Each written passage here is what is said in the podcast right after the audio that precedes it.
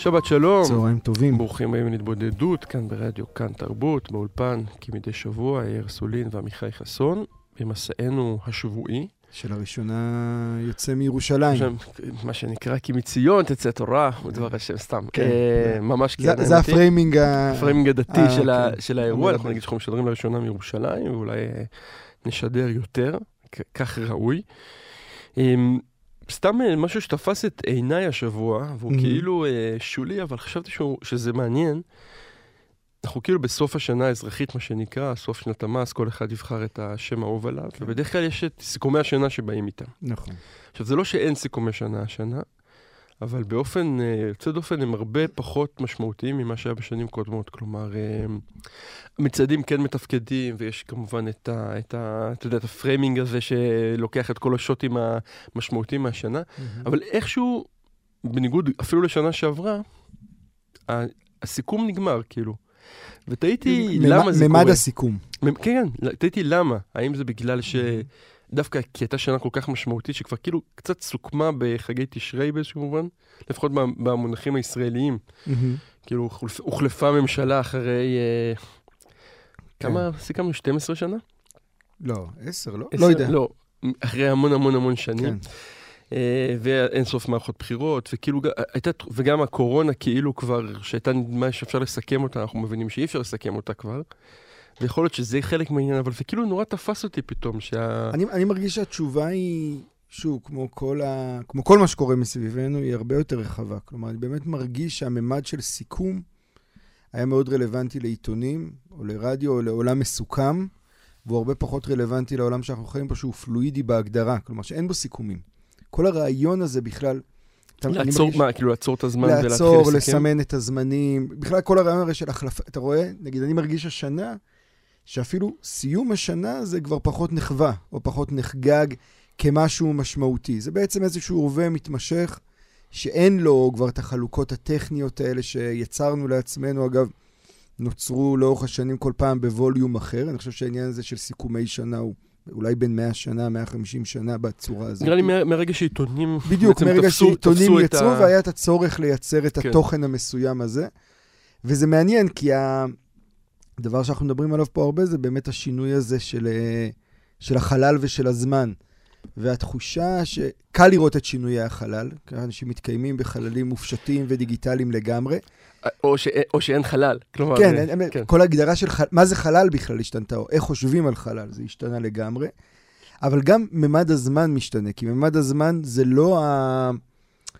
זה לא הזמן שחולף, או החיים שלנו, אלא איך אנחנו מספרים לעצמנו את הזמן שחולף. וכמו שה... עד כנראה במובן מסוים, עד המאה ה-19, אנשים לא חשבו על החיים בדקות ושניות, כי לא היו להם שעונים ולא היה להם בכלל את למדוד הכלי. למדוד ולחשוב דרך זה. ואז הזמן השתנה. אז אותו דבר אני מרגיש ממש היום מאוד מאוד חזק. התפיסה שלנו את הזמן משתנה. מה זה דור נגיד בכלל? אתה רואה, כל הדיון הזה פעם היה אומרים לך, דור זה 20 שנה, או 25 שנים. היום לא יודע, אתה לא יודע להגדיר זה היום דור? דור, זה משתנה ברגע. וכאילו כל הקונספט הזה של זמן הוא, אני חושב, מאוד מתחבר למה שאתה מדבר עליו בהקשר הזה של הסיכומים, כמו שאין אלבומים נגיד, אוקיי? או כמו ש...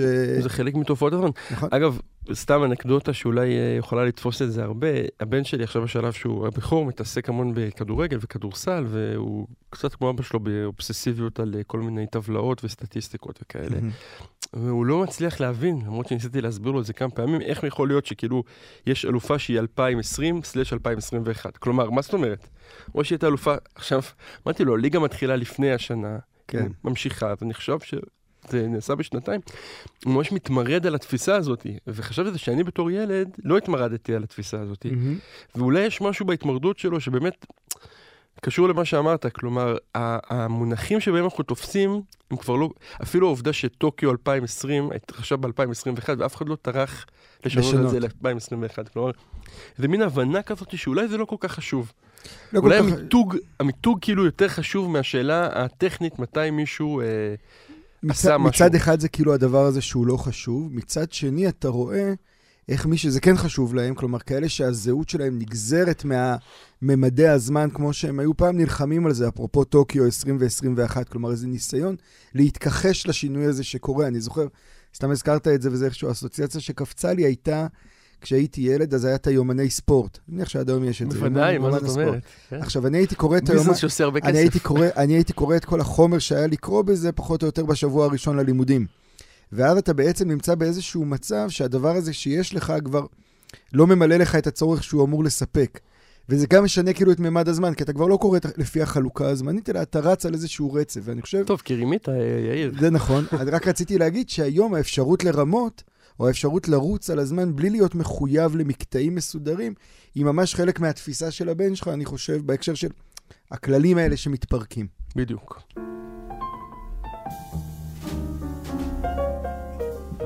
ברגע האחרון של השנה, ברגע האחרון של הזמן, Mhm. אמנם אה, של חוקות הגויים, של הזמן ה- ההוא. ההוא, כן, הזמן שהוא לא שלנו, קרה דבר מאוד מאוד משמעותי, שנראה לי, יש מצב שהוא זה מה שייזכר מכל השנה הזאתי, אולי הרבה יותר מאשר אה, החלפת ממשלה, למשל. בס- אני אומר את זה בשיא הרצינות. כן, כן. במונחי זמן אה, אה, גדולים יותר.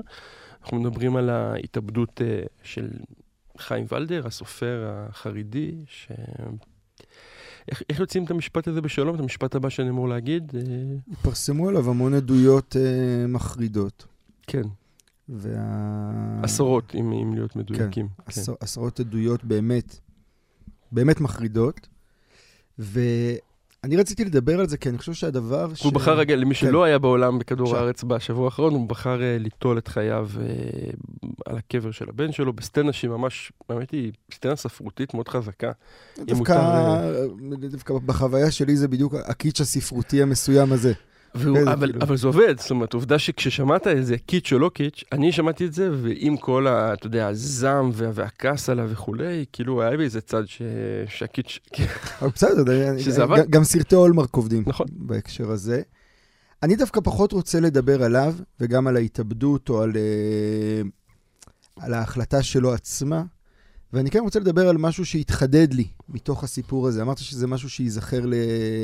אני חושב, לדורות. עד כמה שאפשר אני- אה, אני- להגיד אני, את זה. אני מסכים. אני חושב שיש פה משהו בסיפור הזה שמסמל, אגב, זה משהו שהתחיל בסיפור של אה, יהודה משי זהב, ובעצם כאילו התכנס, ב, או התממש יותר חזק בסיפור הזה של חיים ולדר, וזה איזשהו תהליך עמוק שהחרדים עצמם עוברים.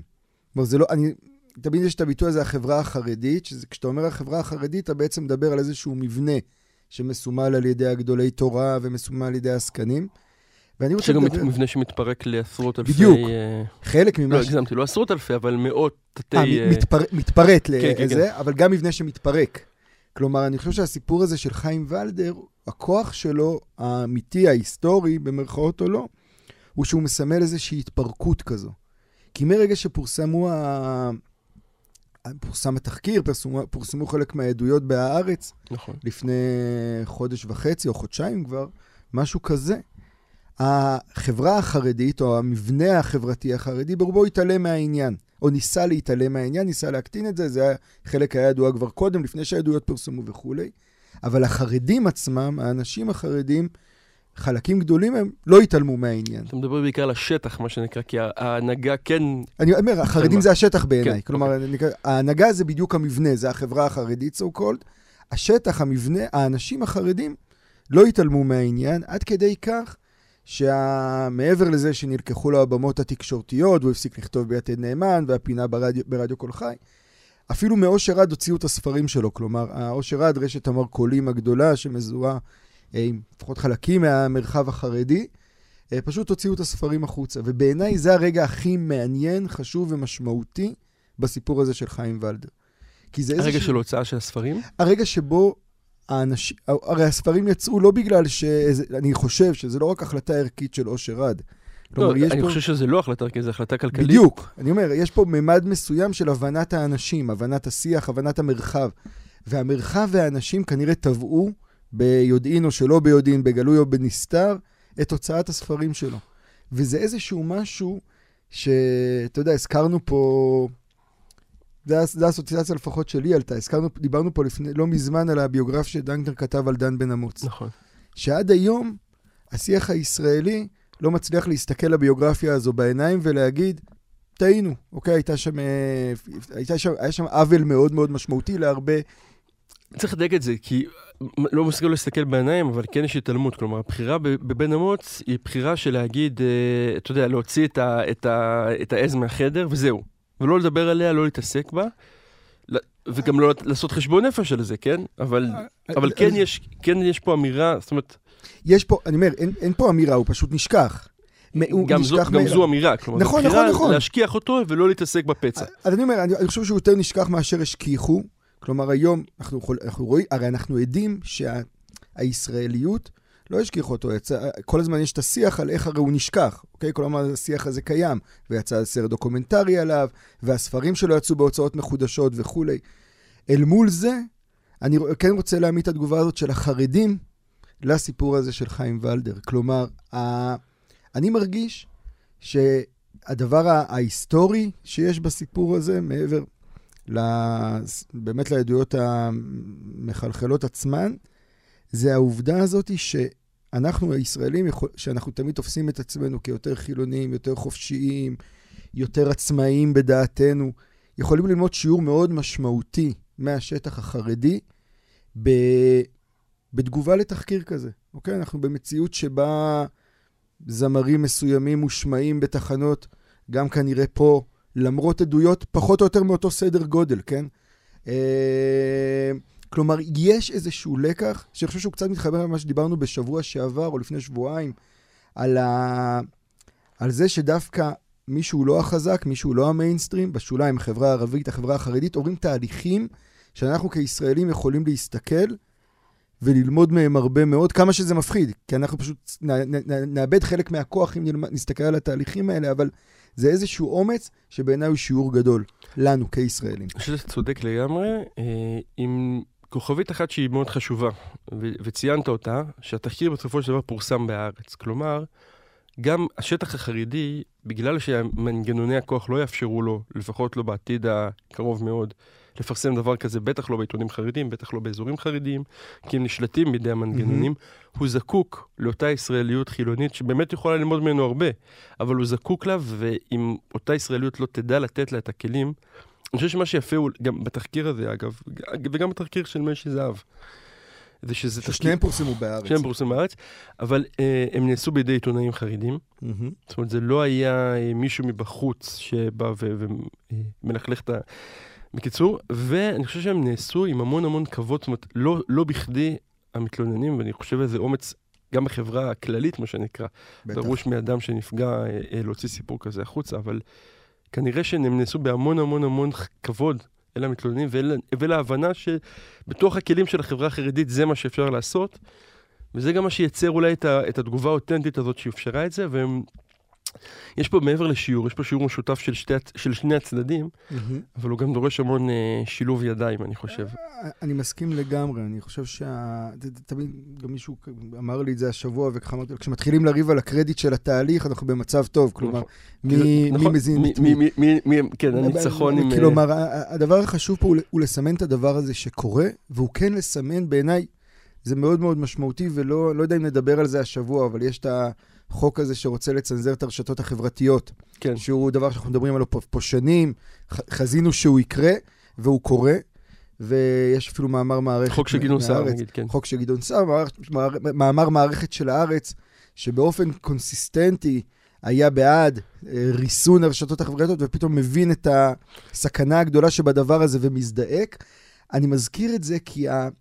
כי העניין הוא פה הוא לא חרדים וישראלים, אלא העניין הוא פה מבנה הכוח שהם באמת, כמו שדיברנו על, על הזמן ועל האולימפיאדה, וגם שם יש מבנה כוח של ספורט, כלומר, מבנה הכוח האלה, שמבינים שהם לא רלוונטיים, או שהם הופכים פחות ופחות רלוונטיים, נגיד את זה ככה, אל מול האנשים עצמם, שיכולים לייצר בריתות שלא העלינו בדעתנו שיכולים לקרות, וכמו שאתה אומר פה, כלומר, התקשורת החילונית יכולה לייצר ברית עם החברה החרדית לקידום איכות החיים של כולם, אוקיי? כלומר, זה, זה מסוג הבריתות שה... תמיד אני אומר, הדוגמה ההיסטורית הכי יפה לזה, זה שאת המהפכה הצרפתית עשו הבורגנים. כלומר, פי, מי שלא חשבנו שיכול לעשות, הוא הרבה פעמים זה שעושה, ושווה פשוט להסתכל וללמוד ולסמן את זה.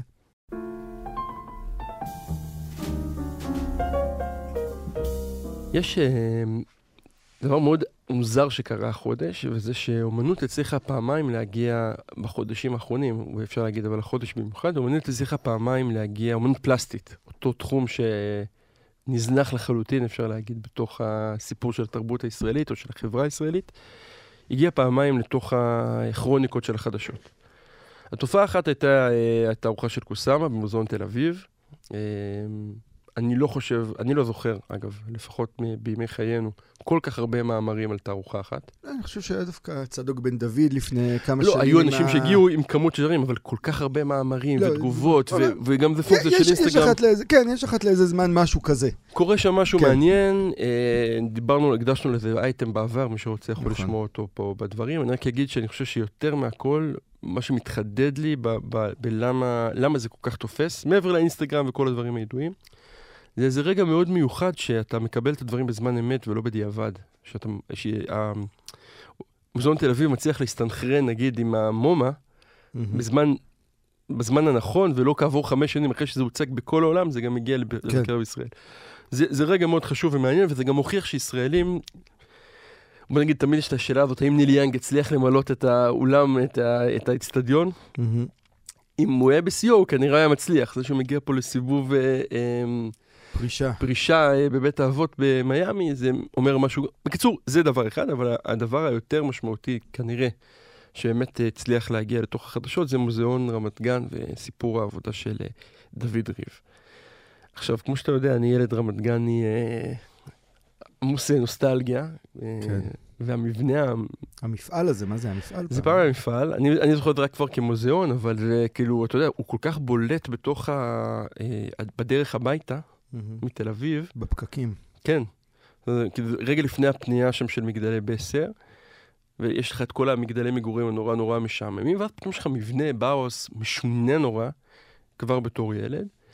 וגם היו לוקחים אותנו בבתי ספר וזה לתערוכות שם, וזה באמת היה מוזיאון מיותר בצורה יוצאת דופן. זה כמעט בלתי נתפס כמה, אני מדבר על מה שהיה. תוכנית, אתה אומר. כן, לא היה שם כלום. Mm-hmm. היה שם פשוט תערוכות אה,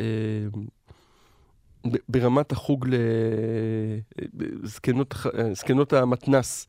אוקיי. Okay. לרוב. יש שם גם יציאות אחרות, אבל לא היה לו שום איכות אמנותית. ואני נורא התרגשתי שראיתי שהם הולכים לשפץ אותו. Mm-hmm. ואני לא יודע אם יצא לך להיות שם, יצא לך? הייתי בתערוכה הזו. היית בתערוכה. Mm-hmm. קודם כל, סתם אדריכלית, הם עשו שם עבודה נהדרת בעיניי. כאילו, התוספת mm-hmm. הזאת לא רק שלא פוגמת, היא מייצרת ממש אה, אה, כוח. ואני חושב שרוב מי ששמע את כל ה... אה, שיח לא מבין גם כמה מעניין הספציפית המיקום של ההצבה, של העבודה הזאת של דוד ריב.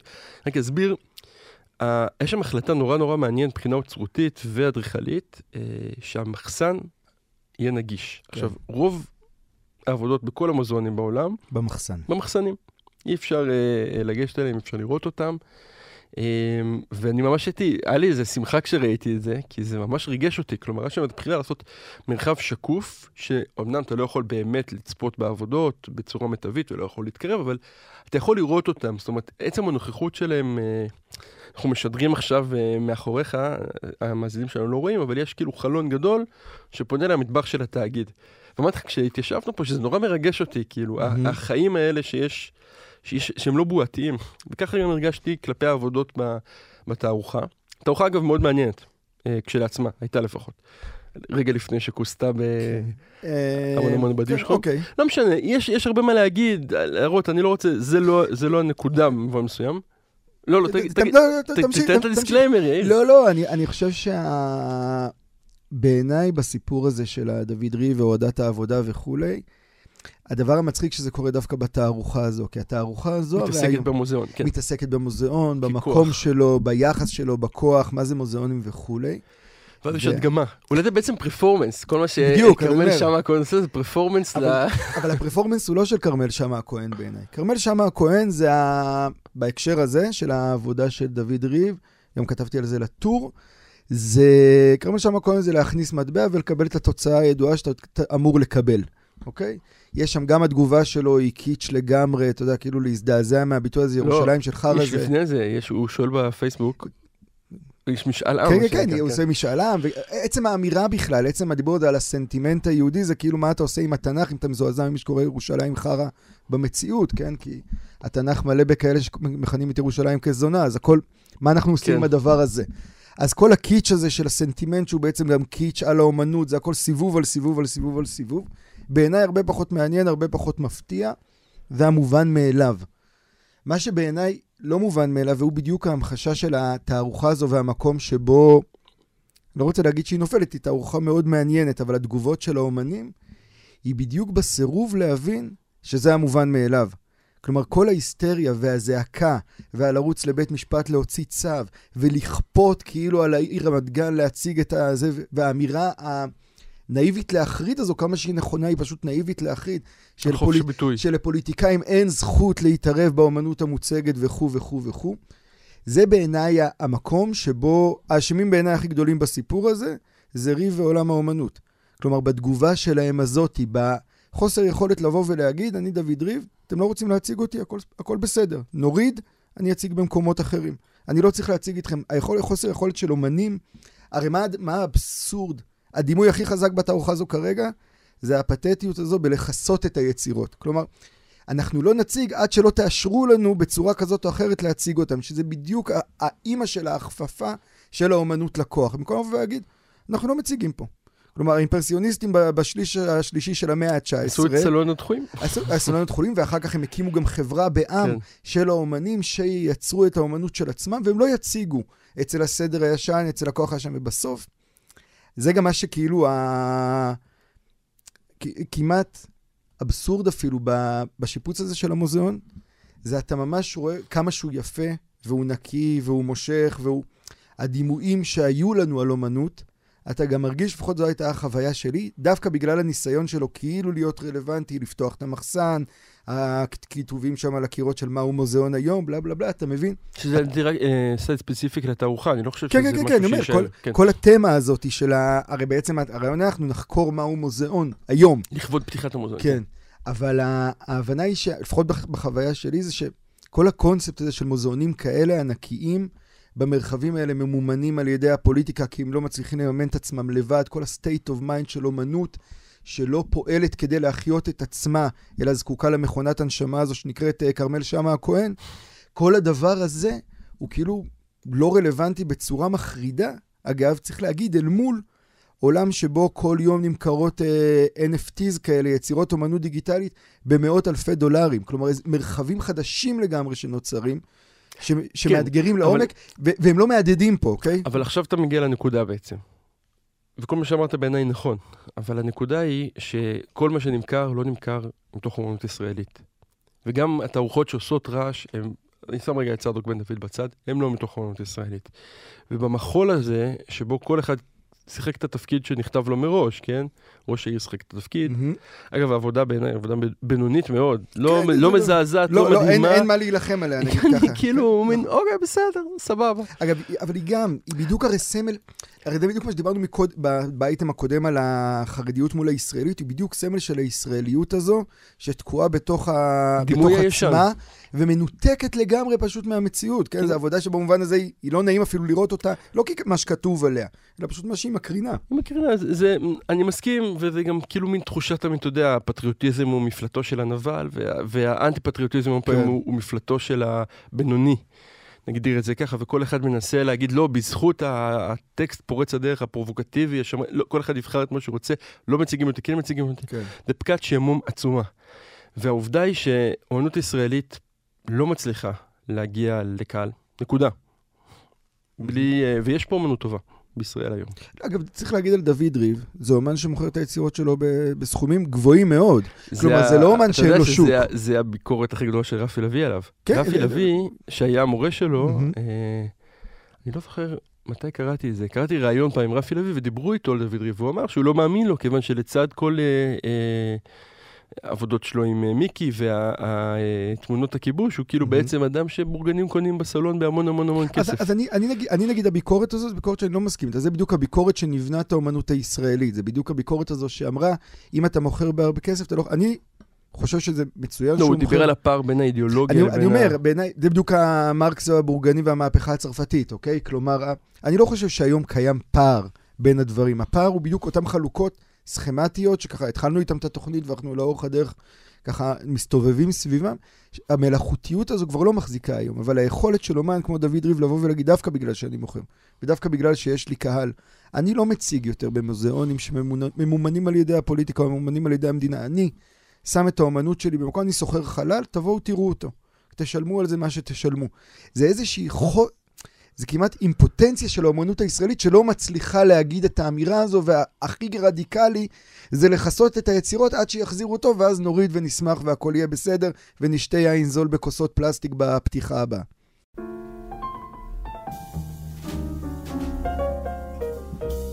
טוב, אנחנו באיזשהו חוב, במרכאות או לא במרכאות, מהתוכנית שעברה. אה, כשרצינו לדבר עליה, על אנה מריה יוקל, שספר חדש. אתה יכול לספר עליה אני, קצת? אני אגיד עליה, כן, אני רק, רק אתן את הקונטקסט הזה, שספר חדש שלה שנקרא תמציות, אה, יצא ממש ממש לאחרונה, ואז דיברנו על הרמב"ם, מי שמאזין לנו וזוכר. אה, אנה מריה יוקל הייתה מסוג הדמויות האלה, שבעיניי מהדמויות, אה, הדמויות האלה של רחביה, אוקיי? הדמויות שהן מסתובבות, הסתובבו סביבנו, אלה שנעו בין העולמות, בין העולם היהודי לעולם הישראלי.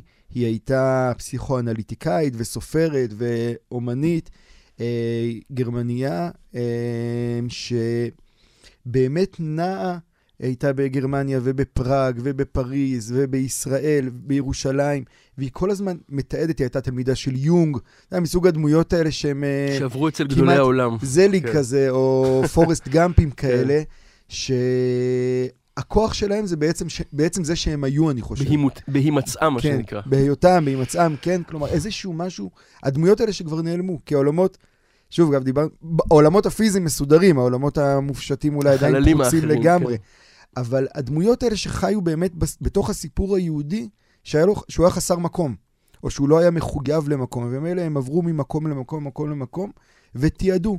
כל הזמן אה, יש את הממד הזה של התיעוד ושל הפענוח של היעדר המקום, את הפענוח של הנדידה.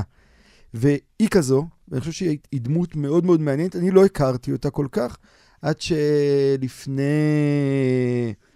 לא זוכר אפילו, לפני איזה שנה או משהו, מי שתרגם את הספר הזה, תמציות, חנן זה אלשטיין, בגרמנית? זה מתורגם מגרמנית, Mhm. אני חושב. אה, סיפר לי על לאה ועל הגילוי שלה ועל התרגום וכולי.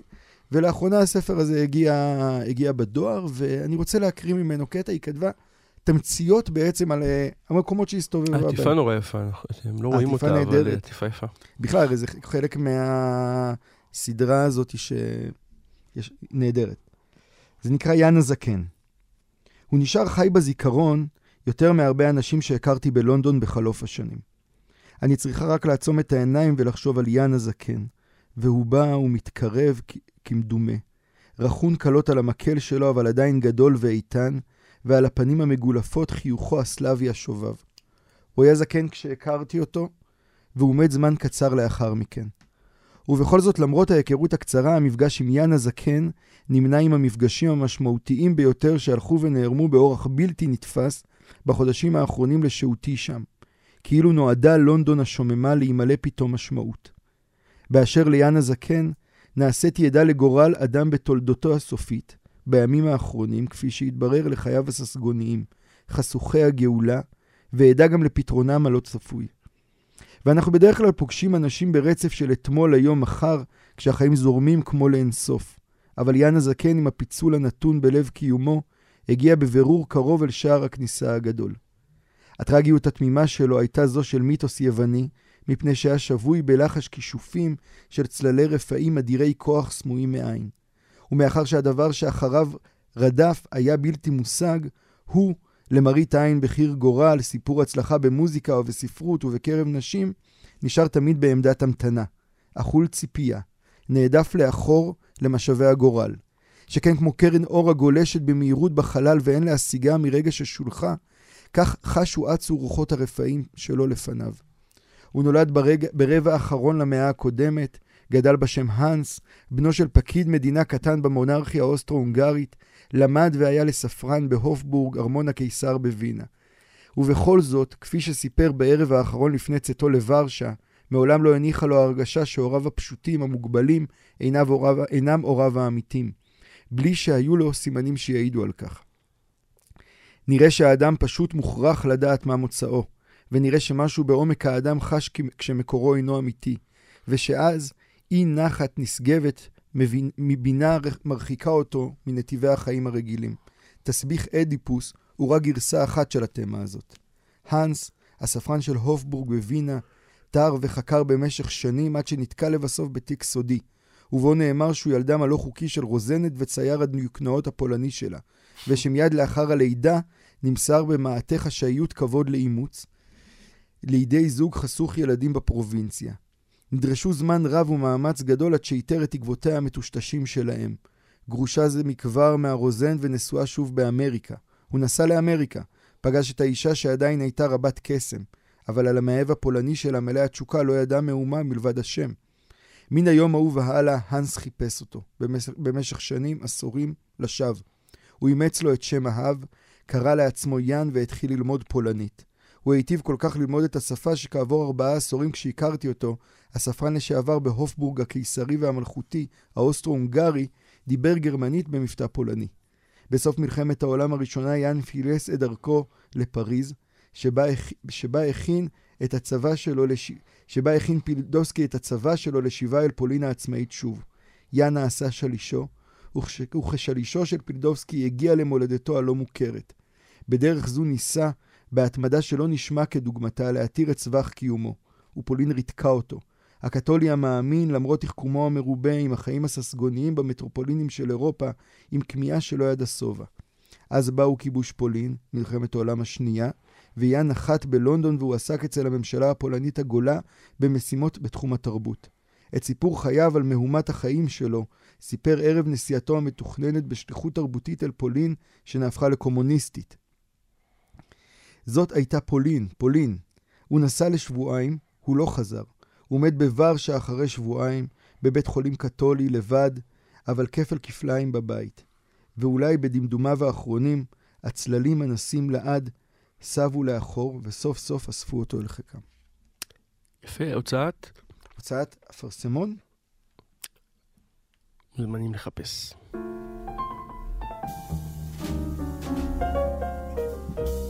אנחנו uh, רגע לפני סיום, ואני רוצה שבכל זאת נתייחס לפרשת השבוע, פרשת uh, וארא, uh, ובעיקר להתבגרות או לתהליך שמשה בעצם עובר מ... אני חושב שכולנו תקועים בסוף, ב, לפחות אני, מאז שראיתי את זה, בשפילברגיאדה של נסיך מצרים, כן? של הרגע mm-hmm. שבו משה הופך באמת מהנסיך הזה, מהאיש המצרי, ל... למנהיג אה, שהולך להוביל את העם ההפוך. שזה אגב, אפרופו דיברנו פה לפני כמה שבועות על יורשים. זה בדיוק הסיפור נכון. הזה של הבן, הבן, הבן הזה שמתהפך על האבא. כן, ועוד אה, בכפיות טובה לכאורה, כן? גם שם, כן. גם שם.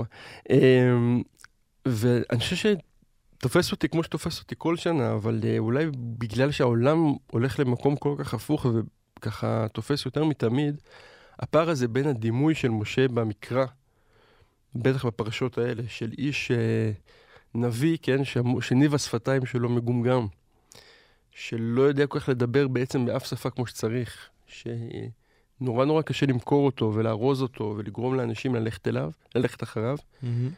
וגם היותו בסוף אדם של מעשים. גם המעשה המוזר הזה בפרשה עם אה, חתן הדמים, לטוב ולרע מעשים, כן? זה אולי הצד הזה, גם המצרי שמוצא את עצמו אה, נרצח על ידו, מומת על ידו. איזה מין אה, משהו שלא עובר היום בשום צורה, ובכל זאת הוא כאילו הדימוי הכמעט אלטנ... אל... אולטימטיבי שיש לתורה להציע למנהיג, או לאלוהים, כשאלוהים מחפש מנהיג, אחר כך הוא ישנה את דעתו אה, במובן אני, מסוים. אני לא בטוח שהדימוי הוא דימוי למנהיג, אני חושב שהדימוי okay. הוא אוקיי. דימוי למהפכן.